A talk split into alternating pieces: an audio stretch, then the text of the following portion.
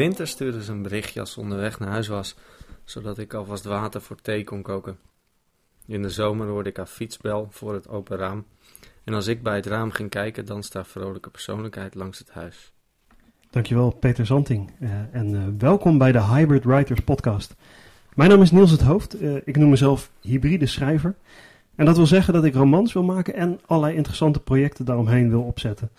Ik wil bijvoorbeeld onderzoeken hoe romans worden geschreven en hoe dat beter zou kunnen. en het gaat me daar echt bij om het, om het hele traject, van het eerste idee tot een afboek. En om daarachter te komen interview ik collega-schrijvers over hun werkwijze. dus niet wat ze schrijven en waarom, maar vooral hoe. Ik heb goede hoop dat dit niet alleen leerzaam is, maar ook heel leuk. En daarom neem ik deze gesprekken op als podcast, zodat jij als luisteraar kan meeluisteren. Ja, je hoorde net dus Peter Zanting. Peter, leuk dat je meedoet. Ja. Um, hij las voor uit zijn boek De Eerste Maandag van de Maand. Dat is op 1 september, dus een paar weken geleden, op het moment dat we dit opnemen, uitgegeven door de Arbeiderspers. Het gaat over een vader en een zoon, allebei met een dwangstoornis. Uh, die gedurende het boek nader tot elkaar komen. En er gebeurt nog van alles omheen. Mm -hmm. Maar daar gaan we het niet te veel over hebben. Want ik wil Precies. juist weten hoe je dit boek nou gemaakt hebt. Hoe, hoe dit nou is ontstaan. Je las net een paar zinnen voor. Ja. Ik heb je gevraagd om iets voor te lezen wat te maken heeft met de oorsprong van het boek. Misschien ja. wel de eerste regels die je hebt opgeschreven. Wat, wat heb je precies voorgelezen? Ja, uh, dit, dit, dit, komt dus wel uit het begin van het boek, maar het is niet het eerste hoofdstuk. Het zijn ook niet de eerste paar, uh, het is ook niet de eerste alinea. Maar ik heb dit voorgelezen omdat het in het begin wel, het begin, uh, wel de eerste alinea's van het boek waren. Um, ja, ik, ik, kan af en toe natuurlijk niet vermijden dat ik het wel een klein beetje over de inhoud moet gaan hebben, hoewel ik het met je eens ben dat we dat zoveel mogelijk vermijden gaan. um, maar in het begin van, van mijn boek wordt een van mijn twee hoofdpersonen, de zoon van de zoon en de vader, verlaten door zijn vriendin. Zij maakt het uit. En ik schreef, uh, ik ben dit, het schrijven van dit boek begonnen door van drie personages, vader, zoon en Sarah, de vriendin van Boris de zoon. In het uiteindelijke boek volg je de vader en de zoon. Juist, heb ik twee personages, die, ja. Uh, ja, twee, waarvan ik met het ik-perspectief ze uh, afwissel en uh, ombeurt in hun huid kruip. En ik had er drie in het begin, en ook, ook voor Sarah deed ik dat. Um, maar helemaal in het begin schreef ik nog niet dingen die in het boek zouden komen. Maar ik schreef toen um, 4.000, 5.000 woorden gewoon in een ik als een soort uh, monoloog over wie ik, ik ben. Ik ben Sarah en ik ben daar, opgeboren, uh, daar geboren en uh, opgegroeid en ik heb een broertje. En weet je, dat soort. Ik weet dus dat Sarah een broertje heeft, terwijl in het boek dat helemaal nergens niet te lezen komt. Dat, nee, de lezer komt dat niet eens te ja. weten. En dat, omdat ik dat soort dingen dus wel wilde weten. Nou, dan schreef ik gewoon. Dan ratelde ik gewoon eigenlijk maar door over hobby's en liefhebberijen en, en, en gewoontes en wat dan ook. Um, maar wat ik wel van tevoren al wist, was dat het begon, beginnen zou met, bij die verbroken relatie. En ik begon eigenlijk dan weer net even daarvoor door te beschrijven hoe zij, toen ze nog samen gelukkig waren, wel uh, met elkaar omgingen. Ja. Dus ik beschrijf hier vanuit Boris hoe, hoe hij hè, met, met, met Sarah omging toen ze, toen ze nog gelukkig in een relatie waren. Dat, dat klinkt, vind ik een hele interessante uh, methode om het zo, het zo vanuit die personages op te schrijven. Bijna als, een, als, als meer een vingeroefening dus. Ja, en en ja. een manier om ook in de hoofden van die personages te komen als het ja, ware. ja. Is dat een methode waar je over had gehoord uh, ja, andere dat schrijvers? is wel... Uh, uh, mijn, eerste, mijn eerste boek schreef ik... Daar schreef ik 100 pagina's voor. En toen ging ik naar de uitgeverijen die, het, die erover nadachten om het uit te geven. Hmm. Um, en toen ben ik in twee dagen bij al die uitgeverijen geweest. En dat waren er nogal veel vanwege de bemiddeling van CWS en van Gelderen. Um, ook mijn agentschap trouwens. Ja, precies. En, een disclaimer voor de luisteraar. Uh, ja, uh, en zij uh, doen het dan, dat, dat, ook voor de luisteraar, zij doen het dan zo. Zij sturen die 100 pagina's uit naar alle uitgeverijen waarvan zij denken, daar past het bij, daar zou, zou het bij kunnen passen. En um, die uitgeverijen die laten dan weten, nou, dit is prettig, dit willen we misschien wel uitgeven, maar er zijn twee dingen die ze willen weten, namelijk ten eerste kun je schrijven, dat kunnen ze, dat kunnen ze op papier lezen. Ten tweede is het ook kunnen we ook met de, door één deur. Is het, is het, hè, wat voor iemand is het? Ja. Dus daarom ga je natuurlijk ook nog eventjes langs om over een uurtje te praten. Ik was toen bij één uh, uh, uitgeverij en uh, daar, dat is uiteindelijk mijn uitgeverij niet geworden hoor. Hmm.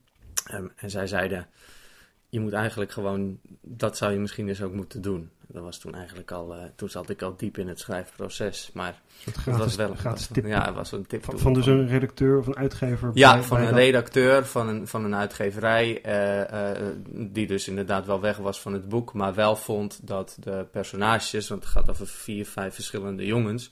Allemaal nog wel heel, eh, redelijk hetzelfde waren. Er was weinig onderscheid in karakter. Je, je, je merkte gewoon, het zijn vijf jongens die redelijk homogeen zijn. Ja.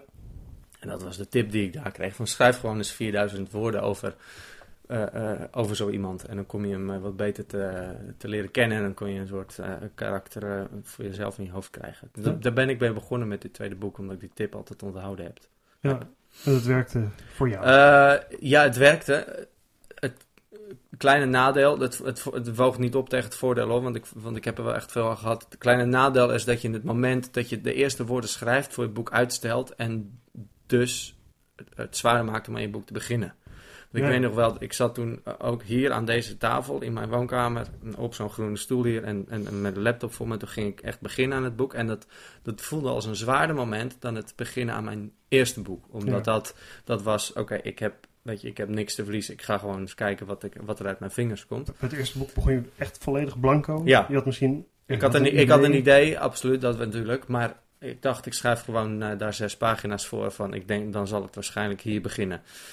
Ehm, en met mijn tweede was ik eh, al gewoon een, aantal keer urenlang eh, aan het schrijven geweest. Maar ik had nog geen letter voor, voor het boek. Dus ik denk dat ik wel al een maand bezig was. En toen begon ik pas aan iets wat eventueel in het boek zou kunnen terugkomen. Ja, ik wil toch nog even nog, nog verder terug proberen te gaan. Want je had dus ergens een idee gekregen al.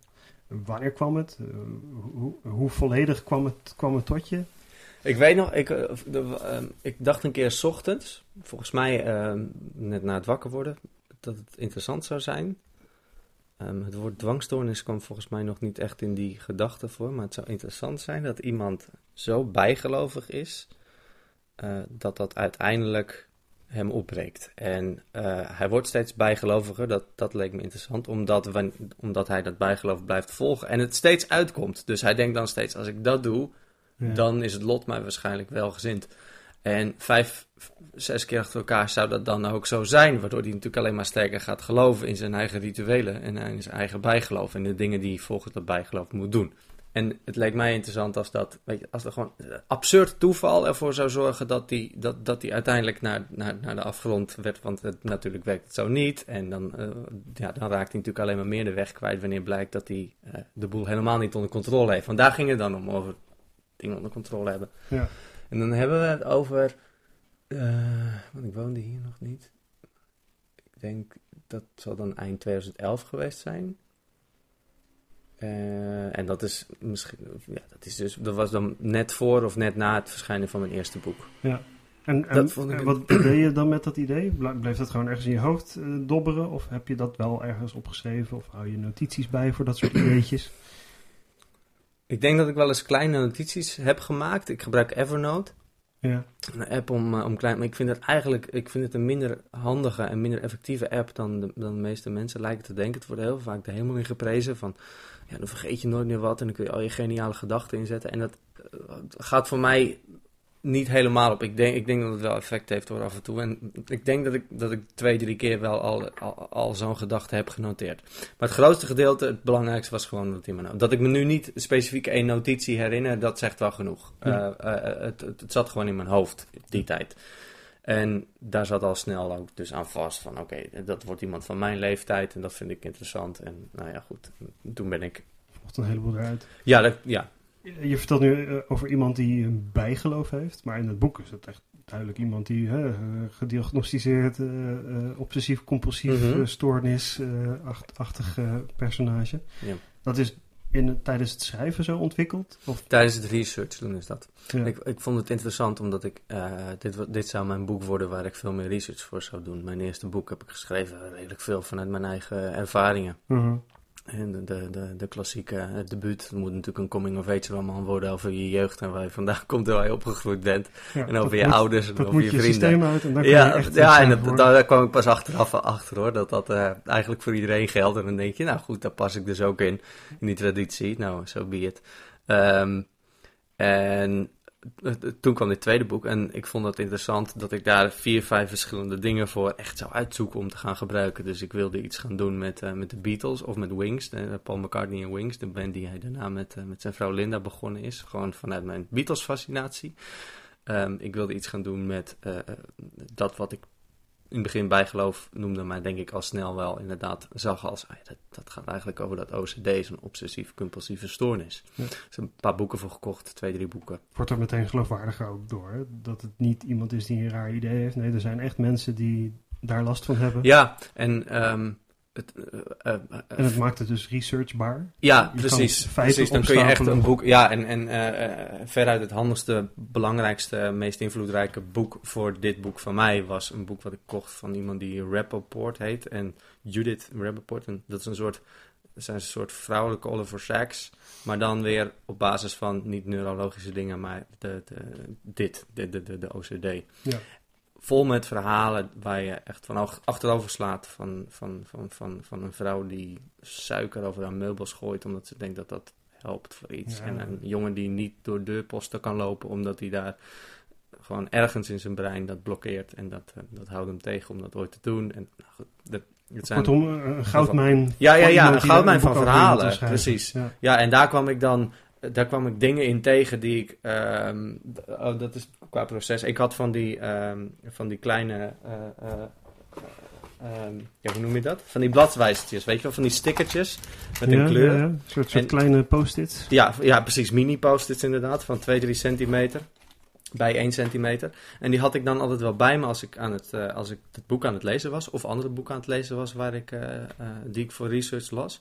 En op pagina's waar ik wat aan had um, iets later mee zou kunnen doen, naar ik dacht, zet ik zo'n post-it. En die zette ik uh, bovenaan de pagina wanneer ik um, vond dat wat op die hele pagina stond relevant zou kunnen zijn. Ja. Uh, of als het begin van een hoofdstuk was wat in zijn geheel vier, vijf pagina's lang interessant was. En aan de zijkant van de pagina wanneer er één specifieke passage of zin was die, uh, die ik wilde onthouden. Ja. En dat boek zit nog steeds volgens mij het zal wel ergens hier staan.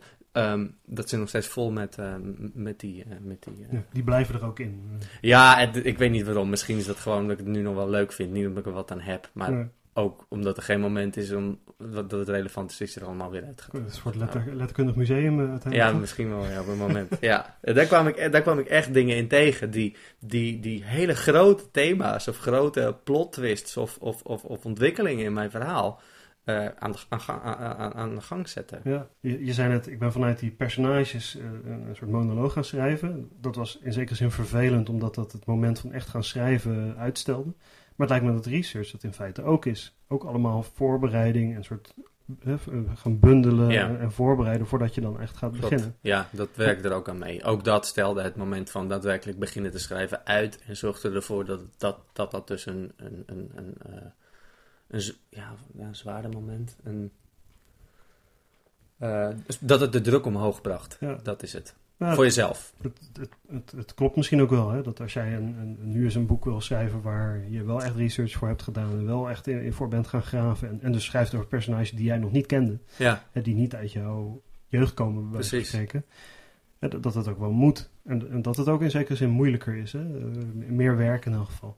Ja, maar ik deed het vooral omdat ik het leuk vond. Hè? Omdat uit nieuwsgierigheid, kijk, dat is een van de leuke dingen ook van zo'n boek schrijven, is dat je bepaalde nieuwsgierigheid en een reden hebt om, daar, om daarin te duiken. Dat je uh, uh, uh, niet alleen maar uit je eigen ervaringen hoeft te gaan praten, maar ook dat je denkt, ja, weet je, hier zou ik altijd meer over willen weten. En dit is gewoon een hele mooie reden. Ja. Ik ga alles uitzoeken over die ziekte of die aandoening, wat me, wat me toen fascineerde. En dan kan ik het gaan gebruiken in, in, in een boek, kan ik het naar mijn hand zetten. Ik zag vanmiddag toevallig uh, iets te kijken over 50 jaar Match of the Day, het BBC uh, voetbalprogramma. Dan ging het er even over Hillsborough. Ik weet niet of, of luisteraars ook weten wat het is, maar in 1989 zijn er 96 mensen omgekomen oh, bij, ja. op, de, op de staantribunes van het station van Sheffield het stadion van Sheffield Wednesday, Sheffield United, een van de twee. Um, waar de halve finale van de FA Cup was. En dat was zo'n drama. En, en, en toen merkte ik alweer van, oh, ik merk dat ik dat, dat ik ook dat een fascinerende, interessante gebeurtenis vind. Misschien kan ik dat in boek 3 gaan gebruiken. Misschien, hè, dus, dus ik denk niet alleen, misschien moet ik eens een boek overlezen. Maar ik denk dus ook, eh, misschien kan ik hier ooit iets mee, zelf. Misschien kan ik op de een of andere manier eh, dit, dit ergens een haakje voor gebruiken voor een boek. En dat maakt dat research doen leuk. Leuker nog. Ja, jij bent in het dagelijks leven ben je redacteur bij eh, NRC.nl. Ja. Je bent dus ook journalist. Ja. Bij dit soort onderzoek, bij, bij dit soort, de soort grondlaag die je voor het boek bij elkaar zoekt, ben je daar, li- ligt het schrijverschap daar dichter bij de journalistiek? Eh, ja. Ja, nou ja, goed. Ja, dat- dat- hoe bedoel je dat precies? Dat ik... eh, Nou, ik kan me dat- voorstellen dat je, dat je als journalist naar je werk gaat en daar een bepaalde eh, taken uitvoert. En dan ga je, kom je s'avonds thuis en dan ga je schrijven. Ik weet niet hoe, precies hoe jij het aanpakt, maar Mhm.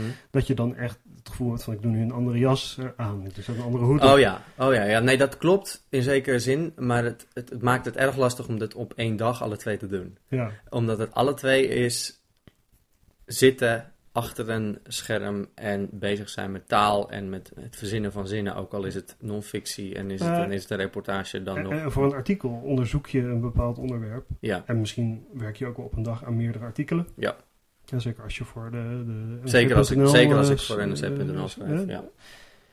Dus in die zin is het dan ook weer niet zo, eh, zo gek als je dan s'avonds nog een vierde of vijfde onderwerp eh, gaat, eh, Nee, gaat- maar ik, dat, dat, daar zat wel echt een groot verschil aan hoor. Ja, het goed, ik, ik had het inderdaad wel makkelijk om gewoon, dat, dat kon dan wel, dat ik, dat ik op weg naar huis, of in, hè, dus in de trein of thuis dan wel nog een boek begon te lezen. Maar Ja. ehm, ja, dus dat deed ik inderdaad wel in die periode. En- maar en maar dat- schrijven aan een boek en schrijven journalistiek op één dag is gewoon lastig te verenigen. Hoe, hoe deed je dat dan? Oh, eh, dat, daar moet ik dus eh, een hele dag voor vrij hebben. Ik moet Ja. eigenlijk om aan mijn roman te, schrijven, of te herschrijven, hè, dus gewoon met de tekst van een roman ben- bezig zijn, moet ik eh, eh, een hele dag vrij hebben. En dan nog is, dat, dat gaat dan wel dat je kan zeggen, oké, ik heb zaterdag en zondag en dan heb ik nog een donderdag weer en dan heb ik daarna weer eens een keer een maandag tot en met een woensdag. Dat, eh, het grootste deel van het boek is zo terechtgekomen, maar ik heb ook in november de hele maand vrijgenomen, afgelopen november 2013, om aan dit hele boek te schrijven. Eh, de, de, de tweede helft van dit boek is, is, is, is vrijwel helemaal de eerste versie daarvan in die maand ontstaan. En dat werkt nog veel beter, want dan kun je dus andere werkzaamheden een maand lang negeren en geen krant openslaan en geen sociale media bekijken. Er zijn natuurlijk superveel verhalen over schrijvers die... dat zijn natuurlijk de bekende grote schrijvers die alleen maar aan hun, aan hun boeken werken. Eh, waarbij dan eigenlijk een van de patronen die terugkomt is dat ze allemaal elke dag schrijven. Dat ze ook allemaal zeggen, dat is super belangrijk. Als je niet elke dag schrijft, eh, dan, dan kan het niet. Hoe kijk je daar dan tegenaan? Oh, dat is. Dat, dat, ik, ik geloof absoluut dat, dat je door elke dag te schrijven en door elke dag te lezen een betere schrijver wordt. Dat, sterker nog, dat de belangrijkste tip is voor, eh, voor, voor schrijvers. Dat je Ja. veel moet lezen en dat je veel moet schrijven. Maar schrijven voor de krant eh, is ook schrijven. En ook Ja. dan ben je bezig met taal en dan ook dan ben je bezig met beginzinnen en met, eh, met metaforen en met tempo en met stijl. In een andere manier vaak. Ehm, maar ik merk ook wel dat het een het ander helpt. Dus dat ik, dat ik door het schrijven van boeken net iets beter eh, af en toe een mooie reportage kan maken. En dat het ook andersom Ja. helpt. Dus ik, ik ben het eens met die stelling, maar niet dat dat alleen maar zou gelden voor het schrijven van literatuur.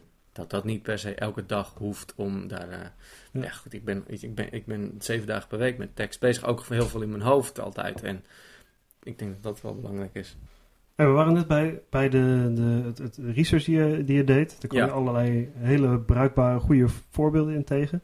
Eh, en je zei net ook bij dat oorspronkelijke idee van de, de, de hoofdpersoon met bijgeloof, die iets, iets van vijf of zes keer iets, iets, iets meemaakt, iets doet wat precies zo gaat zoals, wat zei je precies? Ja, ja Eh. eh, als je bijgeloof hebt en je denkt eh, dat dat helpt. eh, en, en vijf, zes keer is het toeval je zo gezind op de een of andere manier dat het Ja. daadwerkelijk ook dat je er steeds meer in gaat, gaat geloven dat dat helpt.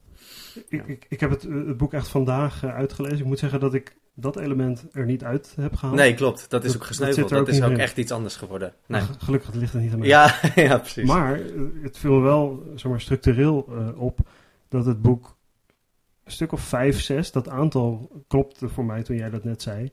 En een soort vijf of zes gebeurtenissen eh, in voorkomen die een bepaalde verandering, die, eh, die, die het verhaal echt weer naar een andere Ja. plek brengen, die de, de personages soort dwingen eh, dichter bij elkaar te komen of bepaalde keuzes te maken. Ja. Die structuur, was die er meteen toen je, toen je ging schrijven? Heb je die op die manier opgezet? Of is het meer een gevolg geweest van kennis van wie de personages waren, wat er uiteindelijk gewoon ging gebeuren toen je ging schrijven?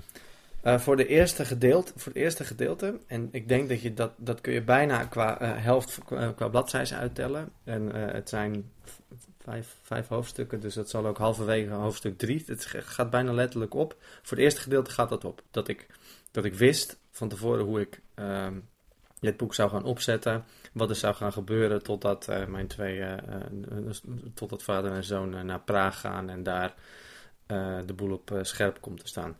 Ehm, dat heb ik redelijk gepland. En over dat gedeelte heb ik ook lang gedaan, zoals ik net zei. Hè? Niet door een maand vrij voor te nemen, maar door steeds gewoon te schrijven en te schrijven. En af en toe ook, eerlijk gezegd, twee, drie maanden niets te doen. En dan had ik gewoon weer even een deadline nodig van, van mijn redacteur. En dan zei ik van, ik moet eigenlijk ik moet weer, ik moet weer op gang komen.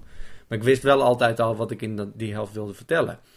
Voor de tweede helft geldt het helemaal niet. Ja. Want daar ben ik uiteindelijk gewoon gaan schrijven. eh, omdat ik de personages goed ken. Maar ook omdat ik wist dat. Dat eh, is iets wat mijn redacteur bij de Arbeiderspers, eh, Michel, ooit gezegd heeft. Dat heb ik ook wel onthouden. Dat als een boek goed in elkaar steekt, dan hoef je alleen maar voor de eerste helft, hè, of alleen maar alle, alle verhaalelementen op zijn plaats te zetten, alle pionnetjes. En dan vertelt de tweede helft zichzelf. Ja. Nou, of dat voor dit boek opgaat, weet ik niet. Maar bij het schrijfproces ging het in ieder geval wel zodanig op dat ik merkte dat ik, dat ik daar minder over hoefde na te denken. En dat het inderdaad makkelijker eh, eh, eh, voort, voort, zichzelf voortstuwde. Ik wist heel snel gewoon altijd wel wat het volgende was wat er zou gaan gebeuren. Mhm. Maar dat betekent ook dat ik in die periode van, in die periode van het schrijfproces heel veel dingen ook verzon. Grote plot eh, twists en dingen die, die, uiteindelijk, eh, die ik wel opschreef en die ik uiteindelijk helemaal niet gebruikte. Want hoe gaat het dan bij jou? Eh, Sowieso begon je al met die monologen. Is er veel weggegooid? Ja, er is voor dit boek veel weggegooid. Ja, ik denk dat het uiteindelijk een boek heeft 46.000 woorden, denk ik. En ik denk dat ik eh, wel 70, 80.000 woorden of zo geschreven heb. Eh, wat ook weer niet wil zeggen dat er een punt was tijdens het schrijfproces dat ik 80.000 woorden had. Dat betekent dat ik steeds 15.000 woorden had en dat, dat dat er dan 9.000 werden. En dat ik dan, dan weet je wel, dat je Het, steeds... voelt een beetje als eh, de aftast. Je, je, had niet een, je had dus niet een, een, een- voor, de voor die tweede helft een soort eh, plan vooraf. Nee. Eh, dus het was een beetje aftasten waar het dan naartoe kon gaan. Op, Ja. op zo'n manier dat het klopte. Dat het Ja, waar was. Precies, af en toe een zijweg nemen eh, en, of, misschien zelfs een hoofdweg in- inslaan en, en erachter komen dat dat niet was wat je wilde. Dus dat, eh dan ging ik gewoon zitten achter mijn laptop en dan, en dan zet ik een timer voor een redelijk, relatief korte periode. Als ik, als, ik, als, ik, als ik ging schrijven zoals ik dat in november deed, ja, ook andere, anders eigenlijk ook wel. Maar vooral in november heb ik die gewoonte heel veel aangehouden. Dan had ik een, ik een app en die heet eh, 30 slash 30. ja. Eh, ik weet niet of je die ook eh, kent. En je ik ken het nog niet. je kan, daar een, je kan daar een, eh, eh, dus een, je kan er een takenlijstje eigenlijk inzetten en zeggen voor al die, taak, al die taakjes hoe lang je ermee doet, Oké. erover gaat doen. Dus ik kan bijvoorbeeld, eh, als ik vijf dingen zou bijvoorbeeld kunnen zeggen, eh, ik ga schrijven, een half uurtje, en dan ga ik eh, afwassen, een kwartier, en dan ga ik thee drinken, vijf minuten, dan ga ik weer schrijven, twintig minuten, en dan ga ik even naar buiten, een half uurtje, en dan ga ik... En je zegt dus in die volgorde dat je dit moet doen, dan zeg je, dan zeg je start en dan gaat hij steeds een klokje maken en dan zie je gewoon van hoeveel er nog over is. Ja. En als je klaar bent, dan doet hij pliep pliep en dan hup en dan, dan, dan begint meteen het volgende. En als je daar strak aan houdt, en er zijn eh, op goede schrijfdagen heb ik de discipline om mij de hele dag aan het lijstje te houden, dan kun je heel veel gedaan krijgen in, in hele- relatief korte tijd. Ja. Ik gebruikte het dan eigenlijk alleen maar voor het schrijfproces. Dus ik zette er bijvoorbeeld 20 minuten schrijven in en dan 5 minuten niks. En dan 20 minuten schrijven en dan 5 minuten niks. En dat deed ik dan drie keer. Langer dan dat is, dat, het is lastig. Uh, Ja. Het klinkt kort, maar uh, om uh, wielercommentator Maarten de Kroo aan te houden, ga maar eens 20 minuten met je vingers tussen de deur zitten, dan is het best lang. Hè, dus het is allemaal, het is allemaal relatief. relatief ja. Ja. ja. Um, en die 20 minuten waren gewoon echt, dat, moet, dat moeten echt bursts van, van, van schrijfdingen worden. En dan kan ik ongeveer duizend woorden schrijven in, in 20 minuten. Als, als het goed gaat. Misschien zijn het er 600. Maar het zijn er wel te veel. Uh, dus ik, en dan wist ik van tevoren uh, dat ik eh, eh, de locatie, welke personen en wat er min of meer zou moeten gebeuren. Dus een, bijvoorbeeld een voorbeeld zou kunnen zijn: zijn net, vader en zoon zijn net aangekomen in Praag en gaan met de taxi naar een hotel toe. Dat is dan het enige wat ik dan weet. Ja. En vanuit welk van de twee ik zou gaan schrijven. Wat dus het, uh, de, soort de, de scène is die nodig is uh, om het verhaal verder te krijgen. Ja, dus precies. de beste poging die je kan bedenken op dat moment om het verhaal verder te krijgen. Ja, ja, ja maar dan, het is inderdaad, dus gewoon heel sec zijn dat dan de, de dingen die, die ik weet. En dan begin ik gewoon te schrijven. En Ja. misschien denk ik er niet eens zo heel erg expliciet bij na hoe dit het verhaal verder zou gaan krijgen.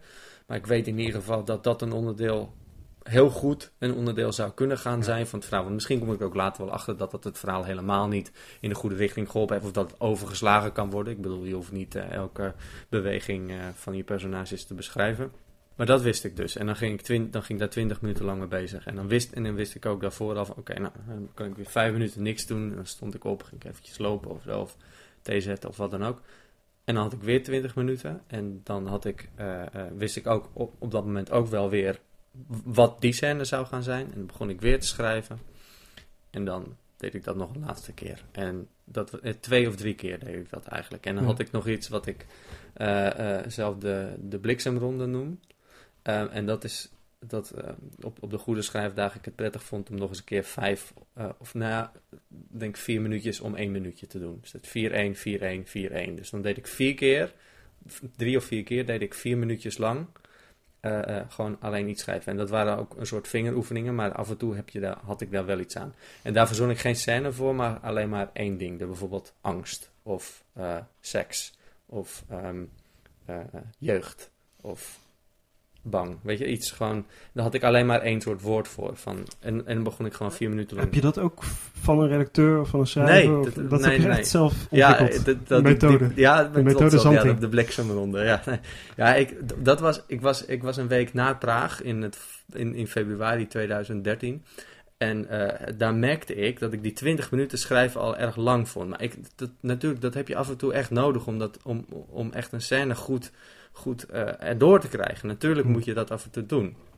Maar het, is, het, voelt, het kan echt, zo, die 20 minuten kan soms echt al als een, eh, als een dam te dam lopen voelen. Van, eh, dat, dat je echt, dat je denkt van oké, ik blijf gewoon schrijven en ik blijf schrijven. En dan kijk je op dat klokje wat je af en toe naast je hebt. En dan denk je, oh, 14 minuten van de 20, dat is nog 6 minuten. En ik wi- wil niet stilvallen dan. En hoe prettig ik dat ook vond na die 20 minuten en hoe, hoe, hoe effectief dat ook was, merkte ik dat ik er ook behoefte aan had om af en toe gewoon heel snel dingetjes te schrijven. En dan waren dat dan 100, 150 woorden. Eh, ik merkte dat ik, da- dat ik vrijwel altijd blij was met wat ik geschreven had. Als in ehm, de stijl en hoe... Weet je, het waren een, soort kleine mini miniatuurtjes. De meeste daarvan heb ik uiteindelijk niet gebruikt. Hier en daar merkte ik van, ja, dit is, er zit een beginzin in voor een nieuwe scène. Of er zit een idee in voor een nieuwe scène. En dan had ik ineens, dan had ik daar ineens iets aan. Dan was dat een soort zaadje waar iets nieuws uit kon groeien. En, en hoe organiseerde je al, eh, alles wat je schreef? Hè? Want je zegt, heel veel gebruikte ik niet. Had je dan ook een soort van methode voor hoe je het geschrevene ging organiseren en ging bepalen wat nou echt erin kwam? Of misschien ging herschrijven? Ja, dat, of heb je, met, je, heb je nog niet bezig gehouden met herschrijven toen je dit zo allemaal aan het doen was? Oh, nou ja, ook wel al. Maar ik, ik heb vanaf het begin in dit project eh, eh, Scrivener gebruikt. Dat is een software ehm, die ik erg handig vind voor het, maken, voor het maken van iets groots. Als ik iets voor de krant moet gaan doen en het is voor 1200 woorden, dan gebruik ik gewoon Google Docs of Word.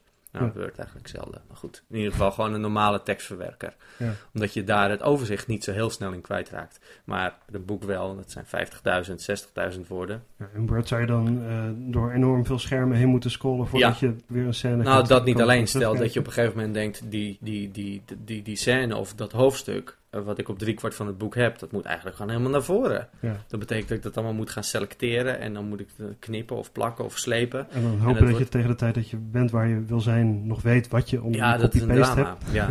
En in Scrivener kun je dus eh, al die hoofdstukken gewoon in de zijkant in een soort kaartenbakje zien staan. En dan geef je ze allemaal een, een titel. En meestal kies ik gewoon eh, eh, één woord. Zodat ik, weet je, al geef je het één woord, dan weet je, taxi Praag of zo. Nou, twee woord, één of twee woorden.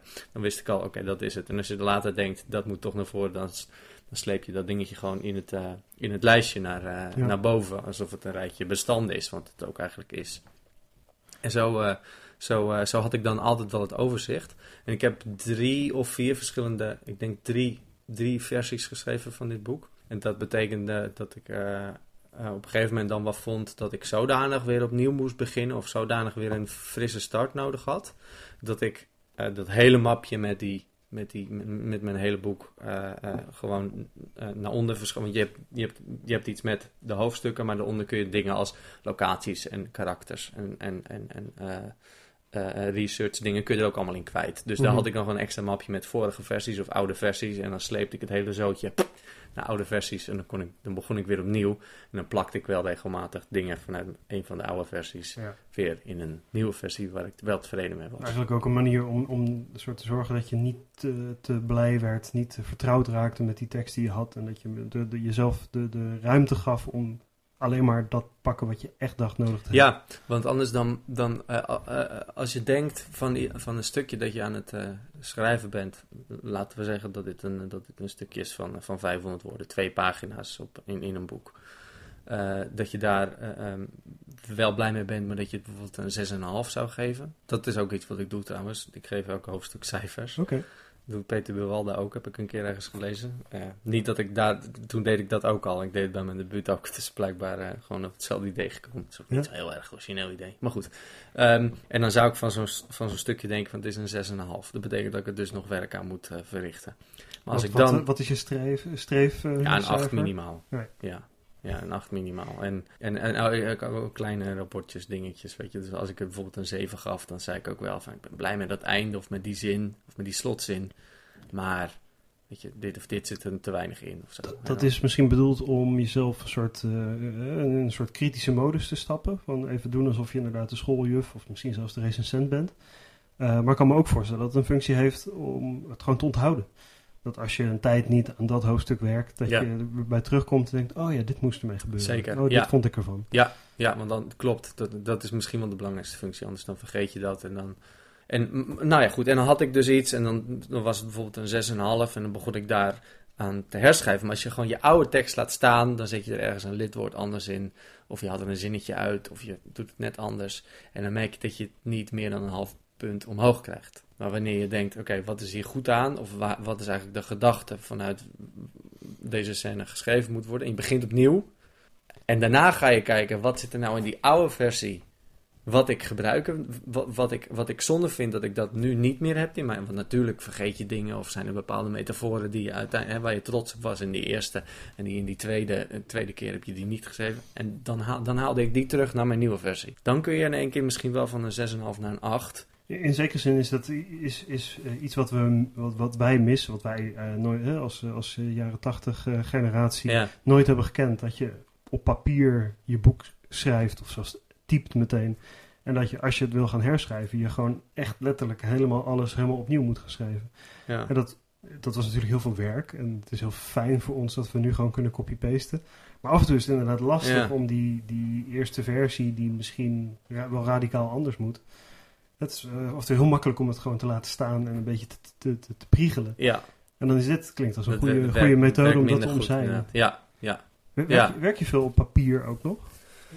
Eh, Überhaupt, is er, is er een papieren fase in, in, in- jouw eh, proces? Eh, Ik gebruik papier ehm, alleen maar eh, om notities op te zetten die ik niet langer dan één dag nodig heb. Dus dat betekent dat als ik, als ik aan het werk ben, dan heb ik er vaak wel iets van een papieren blokje bij.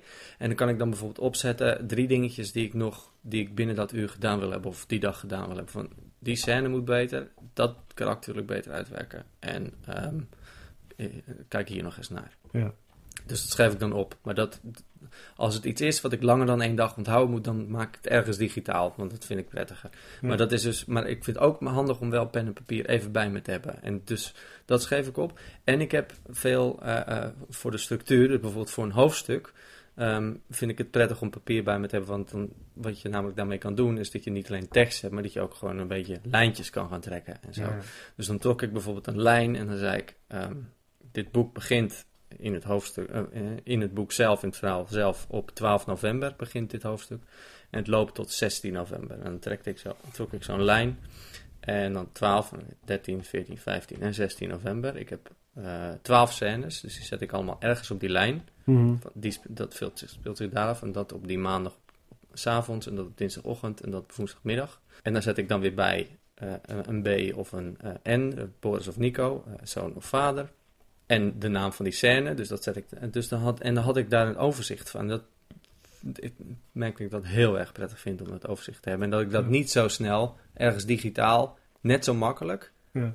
Kon doen. Zit er bijvoorbeeld in, in Scrivener zit er niet ook zo'n soort timeline tool in? Dat je Ja, misschien wel. Maar het, is een enorm groot, complex programma. En het, is eigenlijk, het, het wordt altijd geprezen omdat je eruit kan halen wat je wil. En de functies die je niet nodig hebt, omdat het gewoon niet bij jouw werk past, kun je heel makkelijk negeren. Ja. En eh, misschien zit zoiets er wel in. Maar dan heb ik het gewoon nog niet zo goed, eh, heb ik dat nog niet zo goed uitgevonden. En ik- dit werkt ook. Wat ik, het laatste onderdeel daarvan was namelijk ook dat wat je, wat je niet wil, is dat dat hele hoofdstuk een neutrale, eh, qua, qua stemming, qua hoe het gaat met de personages, alleen maar neutraal blijft. Of dat het alleen maar omhoog gaat van, oh, het gaat met elk hoofdstuk iets beter met die twee. Het is natuurlijk een, een golfbeweging.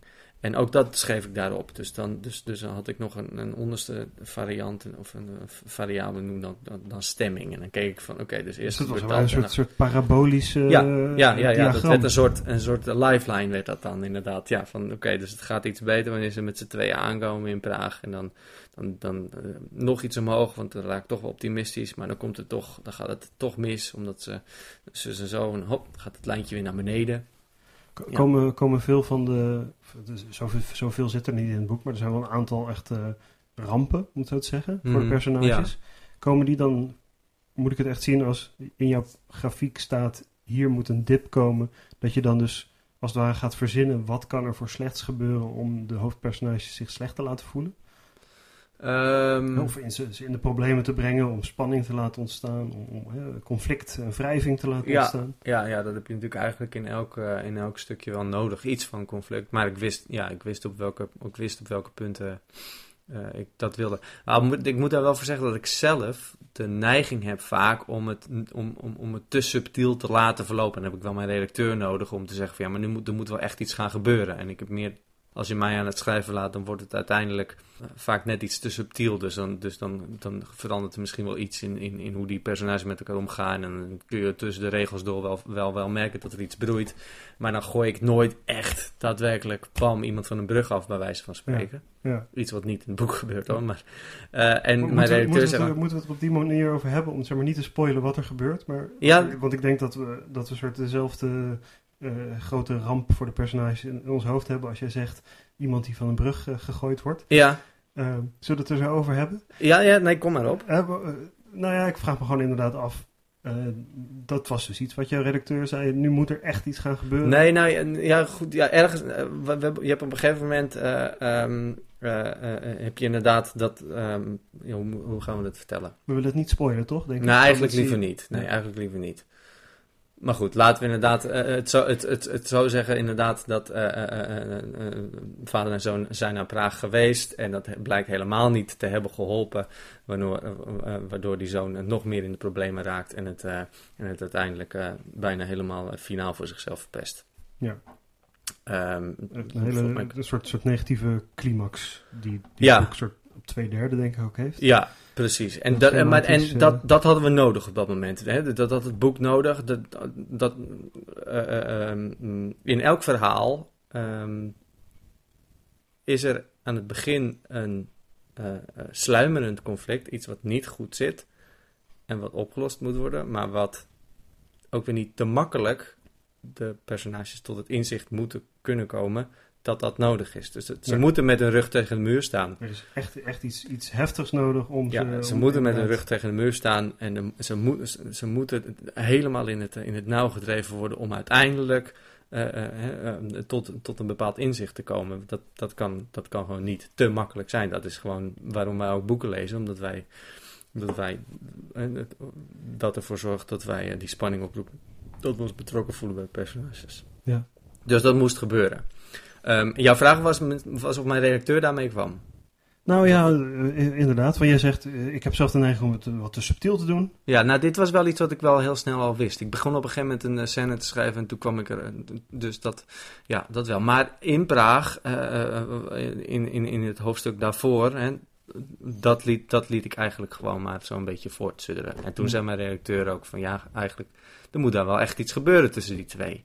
Gebeuren als in fysiek, hè, al, al- als, als in iets wat, wat een buitenstaander ook zou zien en niet alleen in de hoofden van die twee eh, plaatsvindt. Ja. En ik heb, als ik, eh, vooral in die, in die fase misschien van het schrijven van het boek, dus in de eerste helft van het boek, nog wel de neiging om gewoon het te subtiel te laten verlopen. Te laten En- sluimeren. Als het ja, ware. precies. En dan loopt het langzaam wel uit de hand. En dat was wel dat mijn redacteur ook zei, ja, hup, laat maar eens gewoon wat gebeuren. En dan, ja goed, dat, is, dat is weinig van, eh, dat, dat is niet echt een spoiler. Dus dan eh, eh, laat ik de niet, totaal niet impulsieve vader in Praag. Dan wordt hij eerst gerold. Of nou ja, nee, hij wordt laat, eerst gerold. Hij wordt gerold, maar eerder op die dag is hij al in een, in, een, in een ander trucje van een straatverkoper getrapt. En dan, dat, dat waren wel dingen waar mijn redacteur mee kwam van... Laat ze, kom op, laat ze iets doen. Laat ze, iets, eh, la- laat, laat ze met de rug tegen een muur staan. Als je dan op een gegeven moment een idee hebt voor een boek en daarmee aan de slag gaat, wanneer ga je dan anderen erover vertellen? Vertel je andere mensen eh, over waar je mee bezig bent? Eh, ja, maar in het begin voelt het voor mij als, als een te breekbaar idee. Dus dat, dat kan ik dan eigenlijk niet doen. Eh, eh, het moet op een gegeven moment te veel op, op, zijn eigen, op zijn eigen benen kunnen staan. En er moet er zeker genoeg over zijn. Want als je op het moment dat je pas. Ik ben nu bezig met een derde roman. Over aan het nadenken. Eh, dat is echt nog heel pril allemaal. Ik heb er iets van een idee over. En soms vragen mensen ernaar. En dan zeg ik. Ja, ik heb wel iets van een idee al. En zeg, oh, maar wat is het dan? En dan voel ik me bijna, en dat ik dat dan geheim hou, voelt soms een beetje lullig. Maar dat doe ik omdat ik weet dat je er onherroepelijk iets van een reactie op krijgt. Eh, je krijgt namelijk dat mensen gaan eh, zeggen, ik ken iemand die dat ook heeft. Of ik heb er een keer dit boek over gelezen. En dat stuurt je een andere kant op. Dat gooit, dat gooit, dat, dan, denk je, dan denk je een uur later anders over je eigen idee. En dat moet je niet Ja. hebben. Je wilt eh, gewoon in je eigen hoofd soort meer, eh, verder uitgekookt eh, hebben voordat je daarmee eh, Ja, ja en de wereld in gaat. Ja, want en dan moet je ste- st- st- sterk genoeg eh, eh, moet je, moet je daarover denken. En dan, dan kan ik dat met een ander delen. Dus ik denk dat ik dat met, met, met dit tweede boek bijvoorbeeld op een gegeven moment pas gedaan heb. En dan, dan is mijn vriendin Margot de eerste die daarover hoort. Eh, en die daar dan, die daar dan eh, feedback op geeft. Wat, was dan precies het moment waarop je het wel eh, ging delen? ja, dat is, dat is een goede vraag. Ik weet Dat je toen echt wel een weet. aanzienlijk stuk Ja, ik denk, ja, ja dan, ik, volgens mij was ik toen wel al ver bezig met het, het eh, ehm, wat, wat ik net zei, van het 4.000, 5.000 woorden per personage al opschrijven. Volgens Ja. mij was ik daar wel al ver mee gevorderd. En ehm, was dus blijkbaar wel redelijk bang dat, dat, dat ik daarvoor al door een ander zou eh, beïnvloed worden. Ik, ik was trouwens nog benieuwd. Je hebt die drie monologen geschreven. Uiteindelijk niet vanuit eh, het, het meisje, de, de vriendin of de ex-vriendin, het boek geschreven. Waarom niet? Oh, ik, vond het, ik, eh, ik ben er volgens mij aan begonnen omdat ik het machtig interessant vond om, om vanuit een vrouw, vanuit een meisje te schrijven. Misschien nog heel eh, moeilijker? Ja, dat ja, het is moeilijk. staat? Ja, ja en, en, en, en, ik, en ik vond het ook interessant hoe ik dat zelf dan zou gaan doen. Dus hoe, hoe, hoe, hoe kijk ik er tegenaan hoe zij de wereld zou zien. Dus, dus eh, ja, eh, eh, en dat, dat, dat vond ik heel interessant. Ehm, en ik was benieuwd, weet je wel, en wat voor toon sla je daarna? Wat voor woorden gebruik je niet die een man wel zou, ga- zou- wel zou gebruiken? En, en andersom, weet je, een woord als leuk of gezellig, gebruik, gebruik je dat dan, ga je dat meer gebruiken? Of Ik Zijn kan, er harde woorden die je- voorstellen, zeker als je dit niet doet, dat het heel makkelijk is om zo'n ex-vriendin als een soort onbegrijpelijk, raadselachtig, eh, zwarte doosachtig Mhm. figuur af te schilderen. En dat als je dit doet, dat het, dat, dat niet meer kan. Nee, klopt. Dat was je wel. moet herkennen. Ja, ja. En ehm, ik heb mezelf, denk ik, ook wat te moeilijk gemaakt door met drie te beginnen. En dat, dat ik ook dacht op een gegeven moment van, nou, dat is misschien ook niet vol te houden. Maar de belangrijkste reden dat haar perspectief er niet meer in zit, is omdat ze niet in het hele verhaal een even grote rol heeft. En omdat het verhaal dat ik in het begin verzon, namelijk een vader en een zoon, Eh, eh, of nou ja, nee, eigenlijk meer. Het verhaal had meer, met die relatie te maken in het begin. En dat evolueerde steeds meer naar een vader-zoon verhaal. En dat merkte ik en daar was ik helemaal oké mee. Want ik merkte dat ik dat gewoon wilde vertellen. Maar dat het een vader-zoon verhaal werd, betekende dat haar rol kleiner werd. Vooral in het redelijk grote middenstuk van het boek. En dat daarmee dus eh, haar rol, ja, haar perspectief ook ver- verval. Want anders had je haar alleen tegengekomen in het begin en aan het einde. Ja. Ja. En, en trouwens, die monologen, heb je die ooit aan iemand laten lezen? Nee, Die zijn niet voor andere mensen. Heb je Niemand- heb je die ritueel verbrand? Of Nee, ook- nee, nee, ze staan- eh, ze staan. Ze staan in mijn eh, Scrivener-programma nog. Ze het, was nuttig om, het was nuttig om het te doen. Ja. Ja. Ja, echt, Dus- echt een deel van het proces en geen eindproduct. Nee, nee, nee. Ik zou misschien hier en daar één, twee zinnetjes eruit hebben gehaald. Maar ja, waarom? Goed, ja, dat is te verwaarlozen. Ja, er staan achter in je boek echt een stuk of zeven meelezers. Dat is best wel veel, hè? Tenminste, ik sprak eh, van de week Walter van den Berg en die zei: ik heb, ik heb drie meelezers. En dat vind ik echt wel heel ingewikkeld, want als te veel worden, dan, dan gaan die het, het verhaal alle kanten opsturen. Eh, hoe, hoe ga jij met, met feedback van anderen om? En, en je zoekt dus in zekere, zekere zin behoorlijk veel feedback van, van natuurlijk van eh, je eigen, uit eigen kring. Ja, er is een vast lijstje. Dus mijn vriendin, mijn redacteur eh, en mijn literair agent ehm, van de Zeven en Vergelden. Nou, die lezen, die lezen eh, sowieso dus veel mee. Maar daarbuiten heb ik, eh, toen ik op de helft was, twee andere bevriende, een bevriende collega en een bevriende medeschrijver laten meelezen. Waarvan ik wist dat zij goede, gedetailleerde feedback zouden geven. En toen ik bijna klaar was, maar dat heeft, dat, dus dat, dat is belangrijk wel denk ik om erbij te zeggen, omdat ik, ik was toen zeker genoeg over mijn verhaal. Ik wist dat ik eh, feedback waarvan ik, waar ik het mee oneens was, eh, als ik die toch zou krijgen, zouden ze me niet dusdanig uit evenwicht brengen of aan, aan twijfelen brengen. En, en, hè, dus er zijn veel meelezers inderdaad, daar heb ik er nog een stuk of vijf bij gezocht. Ik, heb, ik las toen ergens van een schrijver die zei van je moet gewoon zoveel mogelijk meelezers hebben. En toen dacht ik, nou ja, dat ga ik ook gewoon proberen, want voor mijn eerste boek was dat niet zo. Dat ik ook inderdaad een relatief klein groepje. Ik, ik vraag gewoon nog eens vijf mensen, ook mensen die mij niet zo goed kennen, om mee te lezen. Misschien ook met bepaalde inhoudelijke kennis die, die van pas kwam? Ja, ja, dat specifiek. Dat heb ik eigenlijk pas later gedaan. Dus ik zocht er eerst de drie of vier inderdaad nog bij. En daarna nog, eh, nog twee mensen die ik vanwege hun vakgebied wist van... zij kunnen van dingen vertellen of het ongeloofwaardig is... of het in het echte leven nooit zou gebeuren. En een meisje uit eh, eh, Vlaanderen dat zelf eh, OCD heeft... Ah, Ehm, en erover kon vertellen. En een psychologe die erin in, in gespecialiseerd is. En ik wilde dat zij het ook lees, lazen, omdat het belangrijkste was. Ja, dat, dat, dat, het, dat het wel allemaal moest kunnen. Dat ik geen dingen verzon die, eh, die een OCD-patiënt eigenlijk nooit zou doen. Dat als iemand het zou lezen die daar ervaring mee heeft, het, het zou zeggen, hé, hey, dit klopt gewoon voor. Nou, niet alleen dat. Ook voor, ook, voor, eh, eh, ook voor de normale lezer moet het zo geloofwaardig mogelijk overkomen. Ja. En dat kan af en toe, zo, zelfs kan het zo zijn dat je als lezer denkt, dat is gek. Ehm, maar als ik het wel zo kan opschrijven dat het, dat het eh, realistisch of in ieder geval aannemelijk overkomt, dat het daadwerkelijk is wat die patiënten, wat die mensen doen of denken. Nou, daar had, daar had ik inderdaad ook gewoon echt eh, levensechte ervaring eh, Ja. voor nodig. Het, het lijkt me duidelijk wat je aan die mensen vraagt. Hè? Ja. Is het geloofwaardig? En, Ja. en misschien nog iets, hè? wat zou je er nog aan toevoegen? Of zo? Precies, precies dat. Ja. Ehm, maar tussen die vroege meelezers en de latere meelezers zit denk ik een verschil van... eh, ja, aan het begin kan je mensen nog eh, op meer de grote lijnen eh, feedback vragen. En terwijl die latere, dat gaat echt over meer woordniveau, meer zinsniveau, kleine dingen. Want Ja, dan kan ik- je niet meer het boek gaan omgooien. Dat ga je sowieso niet meer doen. Nee, dat ga je sowieso. Nee, en ik, ik, ik, ik stuur iedereen, in die latere versie stuur ik iedereen ongeveer dezelfde mail. Dezelfde Op- opdracht. Ja, namelijk lees het als een lezer. Je, bent, je hoeft niet, eh, ga niet mijn eindredacteur spelen, als in daar staat een D te veel of een spatie te weinig of wat dan ook. heb je de, de uitgeverij al. Precies, en als, als, je, als, als die mensen dat wel ook maar enigszins denken dat dat hun taak is, dan lezen ze het niet meer, dan gaan ze niet meer in het verhaal mee. Dan gaan ze namelijk naar de, naar de, naar de vorm kijken en niet meer naar de inhoud. Dus gewoon lees het als lezer tot het eind en mail me dan gewoon wat je erover denkt. Alles is welkom.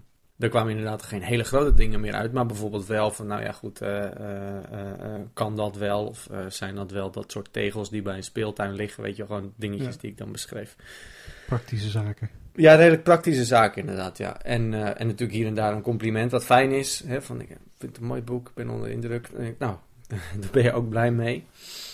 Ehm, en nou ja, goed, ik vond het zelf wel interessant wat ik dus net al zei. eh, dat, om ook mensen te vragen die ik niet goed kende, maar van ik wel wist dat ze kritisch konden zijn. Dus Ja. ik, ik heb bijvoorbeeld een meisje wat de eh, sociale boekensite Goodreads eh, eh, eh, een keer mee bevriend eh, ben geraakt. Als in dat we gewoon, eh, weet je, van elkaar volgen wat we lezen, omdat we merkten dat we elkaar smaak interessant vonden.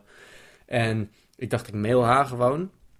Eh, want ik had haar voor de rest nog nooit ontmoet. Maar ik wist wel wat voor lezer ze was. En dat ze een kritische lezer was. Omdat ik volgde wat zij, eh, wat zij las en wat zij daarover vond. En wat ze erover als recensies had. Kwam, kwam zij dan ook echt met ander soort dingen terug dan je hè, de echt bekende vrienden die, je- die je liet lezen? Ehm, nou, ja, misschien waren de reacties wel redelijk hetzelfde. Dat iedereen, iedereen, je merkt wel dat iedereen zijn, eh, zijn eigen dingetje wel heeft. Wat ze, wat, wat, wat ze beter kon- kunnen vinden. Dus, maar dat, zijn, dat waren in dat stadium wel al kleinere dingetjes. Dus wel al gewoon van ja, die scène was een beetje raar. Of klopt dat wel? Of kan dat wel? Of, er waren ook nog wel twee of drie echt continuïteitsfoutjes die eruit werden gehaald. Ik moet eerlijk zeggen dat het verschil tussen de meelezer, dus gewoon een collega die ik heel goed ken en die het las, of een vreemde die ik, eh, die ik vroeg om het, eh, tussen haakjes vreemde, die, eh, die het las, eh, ehm, daar was niet een enorm verschil tussen. En toen was op een gegeven moment dus je, je, je tekst eh, af. Ja? Eh, en toen moest er nog een, een, pakketje van gemaakt worden. Een, een product, een boek. Eén ding dat ik, dat ik altijd heel interessant vind. De titel. ja, De eerste maandag van de maand. ja. Is ook een belangrijk ding in het verhaal. Hè? De, soort, de, de, de, de meest prominente stoornis van de hoofdpersoon heeft daarmee te maken. ja. Eh, was die titel er al heel snel? Nee, ehm, maar de titel De Eerste Maandag, zo heb ik het lang genoemd, was er, was er, eh, was er al wel lang. Ik heb voor twee boeken tegelijkertijd een contract getekend bij mijn eh, uitgeverij. En toen hadden ze een titel nodig voor mijn tweede boek om in het contract af te drukken. En toen zei ik misschien op zolder. En dat was, dat was toen een titel die ik, die ik eh, gewoon even snel verzon. En, eh, die, Klinkt wel lekker. ja, en die tot het eind wel, geloof ik, de titel is geworden, is gebleven van het bestand in uh, Scrivener. Op de een of andere manier kon ik dat nooit uh, wijzigen. Uh, maar al redelijk snel bij het schrijven merkte ik inderdaad, ik, ik zou het de eerste maandag gaan noemen. En, maar die titel, die, die was net iets te weinig aansprekend, vond, vond, vond ik zelf eigenlijk ook bij nader inzien wel. Maar vooral mijn redacteur die dat als eerste uh, ja. mee aankwam. En toen hebben we daar zelf, met, ja, hebben we gewoon met z'n tweeën daar een tijdje over zitten nadenken, uh, tegenover elkaar zittend. En toen het was de eerste, maanden, eerste maandagen, maar dat leek te veel op blauwe maandagen van Grunberg. En uh, nou, misschien gewoon zo. Dit erachteraan, de eerste ja. maandag van de maand. En dat beviel me eigenlijk wel, ja. ja het is wel grappig dat... Een, dat is soort een van de dingen waar dan een uitgever ineens wat, wat dwingendere feedback kan hebben. Ja, de, de, de, titel van het boek. Ja, net als de omslag. Ja. Daar gold het ook voor. Hoe, hoe ging het omslag? Het is een, een, een beker met twee uh, tandenborstels. De, de tandenborstels van de vader en de zoon denk ik. Ja, dat, daar staan ze symbool voor. Um, nou, het omslag, uh, dat had wel wat voeten in de aarde, want um, er kwam een eerste uh, ontwerp en dat, dat, dat had uh, de eerste maand van de maand, er zijn twaalf maanden, dus dat twaalf afgescheurde agendahoekjes. En dat, dat, zijn, dat had je vroeger wel, bij, misschien nu nog steeds wel, alleen gebruiken we het nu minder. van die hoekjes die je uit uit de agenda kon scheuren om te laten zien dat die dag geweest was. Dat waren, de twaalf. En ik vond het wel mooi. En die waren allemaal met zo'n punaisetje waar ze netjes geordend. Want ik wil, dat zei ik. ik had, dat was mijn aanwijzing eigenlijk. Ik wil iets waaruit blijkt dat er een uh, obsessieve geordendheid eigenlijk uh, is. Maar dat er ook ergens toch iets scheef zit. Want dat was, hè, dat, is, dat, dat, dat, is een soort, dat zou het boek in de kern zijn. Als je dat ook in een illustratie kan, kan, kan vangen, dat zou mooi zijn. Dat was het dus dan net niet, want ik vond het wel mooi, maar ik merkte ook, dat laat ik dan wel aan heel veel mensen om me heen zien. En dat de meeste mensen net niet erin zagen wat het, wat, wat het zou moeten zijn. En toen kwam hij met een eh, ontwerp van iets uit een badkamer. Dus dat was volgens mij als eerst was het eh, ehm, iets anders in een badkamer, een wastafel of iets dergelijks. En toen dacht ik, ja, een, eh, eigenlijk speelt redelijk veel kleine dingetjes uit het boek spelen zich af in een badkamer. Dus dat, een douchecabine speelt een rol en tandenborstels die worden genoemd. En op de een of andere manier was het had, had de vormgever dan ook het, het boek gelezen? Ja, ik denk het wel, ja. Of ik denk het wel. Of het is toeval. Ik weet eigenlijk niet. Ik weet niet zeker of hij het gelezen heeft. Hoe dan ook, hij... Ja, ik denk dat hij, hij, dat, hij, zal, het, hij zal het sowieso wel opgestuurd hebben gekregen van de, van de uitgeverij. Van nou, dit is het boek waar het, waar het over gaat. En, of iets van een briefing. En, en, toen kwam hij met het idee van iets in een badkamer. En eh, dat, dat duurde nog tot twee, drie verschillende badkamerrequisieten voordat, wij, uh, voordat we hierop kwamen. En ik vond dit uh, ja, daardoor erg mooi, omdat het een heel simpel beeld is. Heb je nog uh, bemoeid ook met het, het binnenwerk? Bijvoorbeeld gewoon de, de, de letter? Weet je überhaupt welke letter het boek ingezet is? Nee, dat, dit, dat weet ik niet. Ik weet dat het een andere lettertype is een andere letter dan die van mijn eerste. En dit, het lettertype van mijn eerste boek, wat ik daarvan weet, is dat ik, dat ik gewoon dit herkende als het lettertype wat in arbeiderspersboeken gebruikt werd en wat, en wat ik mooi vind. Mhm. Ik moet zeggen dat ik ook met lettertypes best wel wat heb hoor. En dat ik ze redelijk snel wel, uh, wel herken. In ieder geval ook uit de webfonts, weet je wel. Zoals uh, Trebuchet en uh, Georgia en Arial en Times New Roman. Als ik die zie staan op een site, dan weet ik meteen van, oh ja, dat is het deze, deze, letter ken ik niet. Deze, hij lijkt net iets lichter of zo dan die, dan die klassieke boeken, Nederlandse boekenletter. Ik vind hem wel mooi. Ja. En, en heb je daar een soort mee bemoeid? Of iets over gezegd? Of uh, voorkeur uitgesproken? Nee, ik moet zeggen dat ik best wel met de neiging heb om met dat soort dingen te bemoeien. Ik ben niet iemand die denkt van, uh, jullie zoeken het maar uit en uh, weet je, dat is jullie baan, ja. niet het mijne. Dat is, dat, ik, ik, ik, ik, wil me daar wel altijd graag mee bemoeien, maar ik vond, ik vond dit gewoon direct mooi.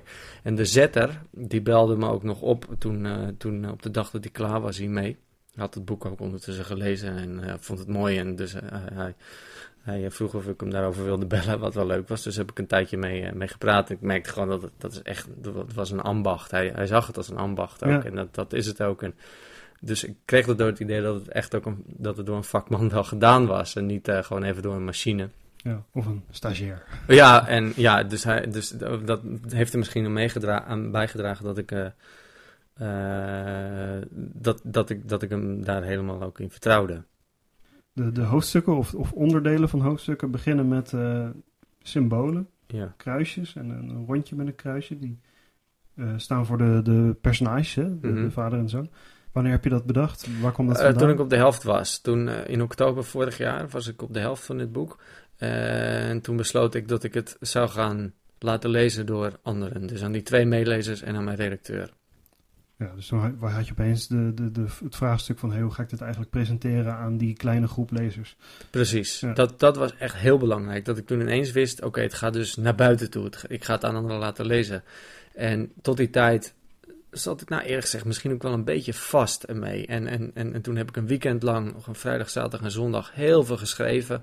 Heel veel aan geschaafd en heel veel mee bezig geweest. Echt om, om, het, om het uit de modder te trekken, misschien bijna wel. Of bij de afgrond weg te trekken. Volgens mij vond ik toen dat ik, toen, dat ik zelf die metafoor bedacht. Van het, ik, ik, ik, ik moest het op het spel zetten. Ja. Ja. Om het, om het weer gebeuren. Ja, een soort er moest, schop, ja, schop ik, onder het boek. Ja, maar, ja, maar ook, ook inhoudelijk. Ik merkte van, oké, okay, dus of dit is gewoon slecht. Ik heb tot nu toe uh, zitten kutten en, en het wordt, wordt gewoon uh, niet het boek dat, uh, dat ik wil schrijven. Of ik moet er nu een weekend lang alles aan doen om zondagavond er een beetje tevreden mee te zijn. En omdat ik mezelf oplegde dat ik het zondagavond naar mensen zou sturen, moest ik inderdaad gaan nadenken over hoe ik het zou presenteren aan anderen. En het had twee personages. En ik begon me daaraan te ergeren dat ik boven elk hoofdstuk die naam had staan. Dat vond ik stom eigenlijk. Dat je, dat, dat je elk hoofdstuk begint en dan staat er boven Boris of Nico. Ja. En dat is te veel gedaan. En, het werd, en toen uh, was de tweede optie om ze in verschillende lettertypes te zetten. Uh, en dat vond ik helemaal vervelend. Dat Ja. vond ik echt, dat was ik meteen zat. Ik, ik deed het en ik merkte meteen dat werkt helemaal niet. Ik heb wel boeken gezien waar, waarin de helft dan cursief is bijvoorbeeld, maar dat leest ook minder prettig. Ja. Bijvoorbeeld. Ja, en er zijn ook wel boeken die, die inderdaad uh, drie verschillende, uh, bijvoorbeeld um, um, Postmortem van Peter Terrin, Mm. heeft drie heel verschillende delen. Eh, het is een fantastisch boek hoor, inhoudelijk. Maar die drie verschillende delen staan in drie verschillende lettertypes. En dat, je merkt dat je vier, vijf pagina's nodig hebt om eraan te wennen. Ja. En dan merk je het pas niet meer op. Eh, dus het- ik merkte al snel dat dat ook de oplossing niet was. En toen kwam ik hiermee. Ik dacht, nou weet je wat ik doe? Ik geef ze gewoon ehm, elk een eigen symbooltje. Het is hetzelfde symbool, maar net, ook net anders. En dat vind ik prettig, want het zijn namelijk personen die, hè, vader en zoon, ze lijken op elkaar, ze moeten bij elkaar, onder, met elkaar om, maar ze zijn ook eigenlijk weer heel anders. En En Nou, waren dit ook de symbolen die je toen ja, bedacht? Komen Ja, ze die- gewoon ook uit... Uit, uit eh, Word komen die. Ja, want ik schrijf dus heel veel in Scrivener, maar op het moment dat het uiteindelijk naar buiten moet, dat ik het naar iemand anders moet gaan toesturen, dan exporteer ik het hele zootje naar Word. En dan kijk ik naar de laatste paar. Want ik ben net niet helemaal tevreden met die exporteerversies van Scrivener, die, die er meestal toch net eventjes, die maken het... Ik ben daar, ik ben daar ook best wel eh, eh, eh, een pietje precies in. Ja. Dan wil ik dat het echt gewoon goed komt en dat alle marges goed zijn, dat, het, dat, dat de, de, de, de, regelafstand goed is en dat ga je het eigenlijk zelf even zetten in Word. ja, ja, Ja. dat is exact wat ik dan aan het doen ben. En, eh, dus, ik, dus ik had het hele zootje geëxporteerd naar Word en dan, eh, eh, dan ging ik daar steeds weer doorheen en weer doorheen en weer doorheen. En ook textueel kon ik dan, merkte ik dat dat mij een soort alibi verschaft om hier en daar nog weer wat dingetjes aan te passen. Of nog weer dat je toch weer ergens nog een grapje tussen zet. Of nog een, net even een zinnetje Wat mooi dan maakt. heel lastig is, want dat moet je dan ook weer terugzetten in Scrivener. Ja, ja, ja, ja, ja. Dus dan ging ik daarna inderdaad gewoon, dan wist ik niet meer wat ik precies gedaan had. Dus dan ging ik elk hoofdstuk gewoon weer terugslepen. Ja. Eh, gewoon weer eh, heel in zijn geheel vervangen. Maar goed, dat was wel iets wat nodig was. En toen kwam ik ook met die symbooltjes. En, eh, dus, en dat, dat heb ik laten staan. Gaf je redacteur gewoon feedback op, op papier, op een geannoteerde, uitgedraaide versie? En na het eind wel, maar eigenlijk eh, eh, tijdens dat hele schrijven van het proces spreek ik hem dan zo eens in de twee à drie maanden. En, en, en, vooral in het begin in, eh, heeft, heeft hij dan, hebben we het er gewoon over. Dus ik maak, ik heb zelf dan pen en papier bij me en dan vertel ik, vertelt hij van waar, hele algemene dingen soms hoor. Soms heeft hij het ook gewoon over hoe een boek in zijn geheel in elkaar zou moeten steken. Zoals ik eerder zei, dat hij dan bijvoorbeeld zegt van eh, een goed boek hè, heeft een, de half, het halve boek nodig om het verhaal neer te zetten en is dan in de tweede helft alleen maar iets wat Daaruit natuurlijk volgt. voortkomt daaruit. Uit. Ja. Eh, dus we, we zitten dan gewoon een uur tot anderhalf uur te praten over mijn boek en over het schrijven van boeken en over waar het aan schort en wat er goed is. En dan noteer ik, nou, ik denk meestal dat ik dan twee, drie blaadjes vol schrijf met wat, ik, eh, met wat hij zegt en wat ik zeg of waar we samen op komen. Ja. Zo gaat het doorgaans. En helemaal aan het einde, dan, dan, dan, dan, dan gaat het namelijk, want het gaat natuurlijk steeds op een, op een kleiner niveau. Ja, De- steeds fijnmaziger. ja, precies. Ja. Dus je hebt het eerst over het hele verhaal en over de plot en over dingen die gebeuren moeten. En aan het eind gaat het over zinnetjes en alinea's. En, Woorden. en over woorden en, en letters en punten en puntkomma's. En als we daar helemaal zijn, dan eh, toen heb ik inderdaad wel gewoon een uitgeprinte versie van hem gehad. Die hij helemaal doorlas en waarvan hij af en toe in de kantlijn schreef van eh, eh, dit beter of misschien zus of zo. Helder. Ja. Als laatste wil ik het nog even met je hebben over, over je e-book. Ja. De e-book versie. Je had een hele mooie actie. Hè? Op eh, 1 eh, september kwam het uit. De, de eerste maandag van september. ja. Eh, wat toepasselijk allemaal. Alsof het zo bedacht was. Ja, Eh, redelijk laat pas hoor. Dat is gewoon het begin van de zomer mooi- dat we pas dachten, oh, dat moeten we natuurlijk doen. Ja. Ja. Eh, en je had een mooie actie dat de e-book versie die dag gratis gedownload kon worden. Ja. Eh, en wanneer, waar ik nou benieuwd naar ben, ook, ook door mijn eigen ervaring met de, de, de e- het e-book van mijn laatste roman. De papieren versie, daar wordt tot in den treuren wordt daar aan gewerkt. Punten en komma's, drukproeven, echt, echt tot op de, tot op de, de, de pixel, Mhm. ja, het, de, de inkt eh, dot ja. eh, wordt, wordt, het, wordt het gecheckt. En dat e-book wordt gewoon uit dat bestand, eh, de, de tekst wordt uit het bestand getrokken en in een e-book gegooid. En dat is het dan. Ik had dit e-book ook niet, de e-pub niet gecheckt voordat, het, voordat die verkocht werd. En er bleek ook een rare fout in te staan. Niet zo heel belangrijk. Maar heb jij je e-book op dezelfde manier als je drukproef eh, gecheckt? Nee, helemaal niet. Maar ik ben er vanuit gegaan en volgens mij is dat ook zo. Ik heb hem wel gezien hoor, overigens gedownload en gezien. En, en, en- Maar ook dus na, pas Maar- na afloop. Ja, maar ik ben er gewoon vanuit gegaan en volgens mij dus is dat dus ook zo dat naar, eh, naar deze definitieve versie, zoals die er nu ligt, ook het e-book gemaakt is. dus dat daar geen verschil in kunnen zijn, behalve dat het digitaal is en dat het een e-book is en dus dat het niet het vaste lettertype heeft, eh, maar hè, door, door, door de app die je gebruikt eh, eh, in andere lettertypes gezet kan worden. En, Nou, ik, ik ben er altijd wel, wel bang, ik ben dat trouwens niet tegengekomen, maar dat er afbrekingen niet goed zouden kunnen staan. ja, Dus, dat zou, ja, nou, dat, daar zeg je me wel iets wat ik eigenlijk eerlijk gezegd nooit, nog nooit echt goed over nagedacht heb. Ja. Maar die afbrekingen, ja, volgens mij kunnen die niet, die kunnen niet slecht staan, omdat ze, eh, ja, misschien ook wel. Nou ja, kijk, je kan natuurlijk het lettertype vergroten of verkleinen of een ander lettertype zetten. Wat betekent dat je nooit kan kijken, je kan nooit controleren waar een zin op een regel eindigt of niet. Het enige wat je inderdaad, wat daar fout bij kan gaan, maar correct me if I'm wrong, want je weet er meer over dan ik, is dat je denkt van in het boek moet er een streepje achter hè, na een lettergreep, zodat dit woord op de volgende regel verder kan gaan. En dan krijg je dus in een e-book versie, omdat helemaal niet op dat punt de zin afgebroken wordt, dat je midden in een zin, midden in een regel, een woord hebt waar een Ja. streepje tussen Dus dat is precies waar ik, waar, Oh ja, waar ja. ik bang voor ben, inderdaad. Ja, maar daar ben je dan bang voor? Eh, en, dat- en in mijn geval was er iets, hebben ze iets gedaan met eh, kleur in het boek, wat ik graag op papier wilde, maar te duur was. Ja. En wat toen in het e-book wel gedaan is, wat heel leuk en initi- initiatiefrijk eh, was, Ja. alleen waren de kleuren verkeerd. Oh, Eh, oh ja. en, en ik vond gewoon zo, het, het alge- in het algeheel het zo merkwaardig dat dat papieren boek, dat er zoveel zorg aan wordt besteed en dat dat e-book dan een soort afterthought is. Ja, ja. Ik, denk- ik denk ook dat dat... dat ik, heb, ik heb ook wel de indruk dat dat zo is. Ja. Ja. Maar zie je dat, eh, om ook weer terug te komen op het gesprek wat ik eerder met Walter van den Berg had. Hij raadt bijvoorbeeld ook mensen af om het e-book te lezen. Zo van, nee, koop nou gewoon een papier. Dat is Oh veel, ja? veel leuker, veel mooier. Heb, heb jij ook zo'n zo'n warm gevoel bij dat papieren format?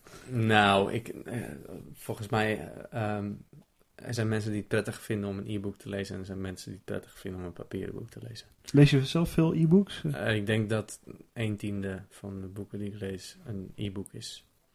En heeft dat ja. een specifieke reden waarom je bepaalde boeken als e-book leest en andere niet? Ehm, moet, ik denk... Nee, nee, ik denk het niet echt. Ik denk dat ik niet al te dikke boeken als e-book... Ik denk dat ik wel huiverig ben om een boek van meer dan 500 bladzijden als e-book te kopen. Ja. Omdat ik merk dat ik er minder snel in ben. En min, je, je leest ze in kleinere, in kleinere eh, sprintjes de hele tijd. Ja. Dat idee heb ik wel. Dat Ja. ik nooit drie uur lang in een e-book eh, eh, verdiept ben. Dus dan, eh, eh, dus dan ga ik het toch... eh, Oh, misschien wel een goed, eh, goed, goed voorbeeld als Tonio van AFT van der Heijden. Wat ik in de, want in de, in, bij de iBook Store kun je gewoon een boek downloaden als preview of zo. Was Ja, dan Beersel. Dan krijg je de eerste hoofdstuk inderdaad. Ja. De eerste pakweg 30 pagina's. En toen hij de ACO had gewonnen in 2012, als ik het goed heb, toen, toen, toen, toen, toen begon ik dat boek te lezen. Misschien stom dat ik er toen pas aan begon, want het was toen wel een jaar uit, maar goed. Sue me, dat gebeurt nu eenmaal. We, we hebben beperkte tijd. Ja, Alle precies. Ik, lees niet alle schrijvers inderdaad meteen wanneer ze uitkomen, zoals AFT van Heijden niet. Hoe dan ook, ik begon dat boek te lezen. Ik merkte dat ik dat boek echt heel graag in zijn geheel wilde lezen. En wat ik toen deed was niet het hele e-book meteen bestellen, want het kan gewoon natuurlijk met één knopje vanuit, eh, vanuit het scherm waar je toch al in zit. Maar ehm, naar de ACO lopen op het station Utrecht en het boek daar kopen. E-book als een soort makkelijke manier om een boek even in te zien. Ja. Maar dat klopt. Zo gebruik ik het vaak. Al, al heb ik dus inderdaad, er zijn ook momenten dat ik, eh, dat ik redelijk makkelijk toch ook wel een e-book koop. Maar ik denk dat ik er zelden één koop voor meer dan 6 euro. Ik merk vaak dat, dat dan wil ik een boek graag lezen en dan merk ik dat het minder dan 6 euro is. En dan denk ik, ja, ik weet niet, misschien een arbitraire grens, maar dat is dat ik dan denk, oh goed, dat wil ik wel hebben. En als het dan duurder is, denk je misschien makkelijker. Nou, kan ik net zo goed Ja, dan is, papieren de, ja, is de kans misschien, dan is de- het verschil ook groot met een, eh, met een minder groot met een, eh, met een, met een papieren boek. En dan denk ik, nou, tientje of 15 euro, dan heb ik liever voor 15 euro het echte boek. Het echte boek. Dit was een beetje een zijstraatje. En ik merk dat ik eigenlijk nog een, eh, dit dan de echte laatste vraag heb. Maar heb je nou, je hebt helemaal verteld over hoe je de eerste maandag van de maand hebt geschreven. Heb je ideeën over hoe je het een andere, hoe je het de volgende keer misschien anders wil doen? Ehm, nou, bij, beide keren nu. kijk, eh, mijn beide boeken zijn geschreven in een periode dat we natuurlijk het sowieso massaal al hebben over waar gaat het heen met, met, met de boekenwereld en hoe gaan we lezen, doen we dat digitaal en wat zijn de nieuwe mogelijkheden ervan en is het spannend of is het juist bedreigend of is het juist heel goed omdat uh, hè, dat die ontwikkelingen er zijn. Dus eigenlijk vanaf mijn debuut denk ik daar zelf ook al over na. En ik merk dat ik uiteindelijk inhoudelijk met die boeken zoveel bezig ben dat ik ja, of de energie niet meer heb, of de tijd niet meer heb, of, de, of dat, uh, om, om anders na te denken over de vorm waarin het uitkomt. En Ja. dan toch voor de, voor de traditionele manier kies, waar, waar, ik bedoel, laten we wel wezen, mijn uitgeverij ook een van de beste van Nederland in is. Dus ik, ik, ik, ik, ik kies voor eh, het vertrouwen geven, misschien daardoor ook wel over het, voor het gemak, Hmm. om dus op een traditionele manier en dan met inderdaad wat je zegt, de iBook versie, eh, de e-book versie erachteraan. ehm, om het op die manier te doen. En, maar goed, ik heb ook wel eh, gedacht, nou ja, misschien eh, gooi ik dit hele boek gewoon op Medium of zo, weet je wel. Gewoon de hele tekst op internet zetten als één blogpost. Of, Het is ook, het is ook hè, je hebt, je hebt een, een- een vaste baan. je hebt dit boek gewoon kunnen schrijven. Het is ook niet alsof, het, alsof er heel veel van moeten verkopen. Je wil denk ik ook gewoon gelezen worden. ja, Dat is een soort dubbel ding. oh, dat is een belangrijke afweging geweest ook voor het voorstel van mij om het e-book gratis te maken die dag. Is dat ik, wat ik het allerliefst wil, is toch veel mensen gelezen worden. Eh, Ja. ja. En, en wat betekent dat dan? Wat, wat heb je dan in gedachten voor de, de derde? Of heb je dingen in gedachten? Nee. Nee. Gewoon een soort algehele eh, idee van daar moet ik misschien toch wat meer naar kijken. Wat meer me in. Nou, ik denk, ik denk wel eens aan, aan eh, een heel pril over dingen als... eh, zal ik er een aantal korte verhalen van maken die ik eerst op internet heb geplaatst? Of zal ik ehm, twaalf korte verhalen schrijven en dan elke maand één doe ik dat een jaar lang... en dan kijk ik wat mensen op internet mijn beste verhaal vinden en dan maak ik daar een roman van... Of eh, zal ik een, soort Kickstarter-campagne beginnen om, eh, eh, om wat geld binnen te halen en dan op de een of andere manier digitaal iets te doen. En ik ben ook wel, ik, nou, misschien is het wel een van de meest concrete dingen waar ik over nadenk. Ik heb in 2010, was dat 2010? Ja, 2011. Nee, 2010. 100 dagen lang elke dag 100 woorden geschreven over een mooi album. ja. Het is mijn van 100 favoriete albums in, in totaal 10.000 woorden, 100 keer 100. En wat ik, wat ik merk is dat, dat het op internet heel goed werkt. Ja. Gewoon echt heel kort. Maar weet, je, wij vinden soms op internet 500 woorden al lang. Ook dat vaste moment is, is volgens mij werkt heel goed. Elke Ja. keer zo'n momentje waarop je contact hebt met je lezers, dan wel potentiële lezers. Ja, en dat, je, dat het heel kort is, betekent niet dat je er niets in kan vertellen. Dat heb ik toen wel geleerd. Dat het dat ook in 100 woorden kan. Dat je ook in 100 woorden, want dat is, e- eigenlijk is waar je als schrijver naar op zoek bent, is de lezer zich anders laten voelen na de laatste zin dan dat hij zich voelt voor de eerste zin. En dat kan ook in 100 woorden, als het, hè, soms slaag je daarin.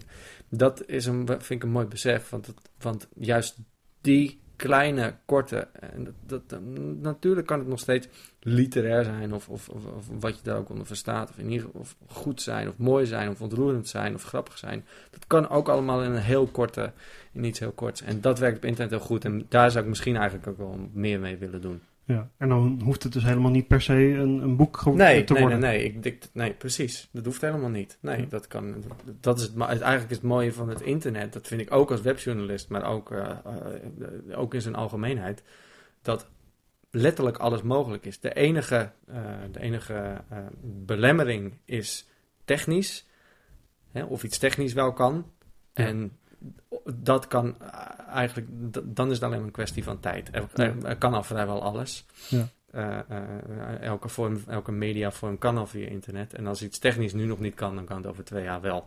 En dat vind ik, vind ik heel mooi om zo te denken. Dat betekent dat je elk verhaal op elke manier kan vertellen en dat het overal gezien en kan worden.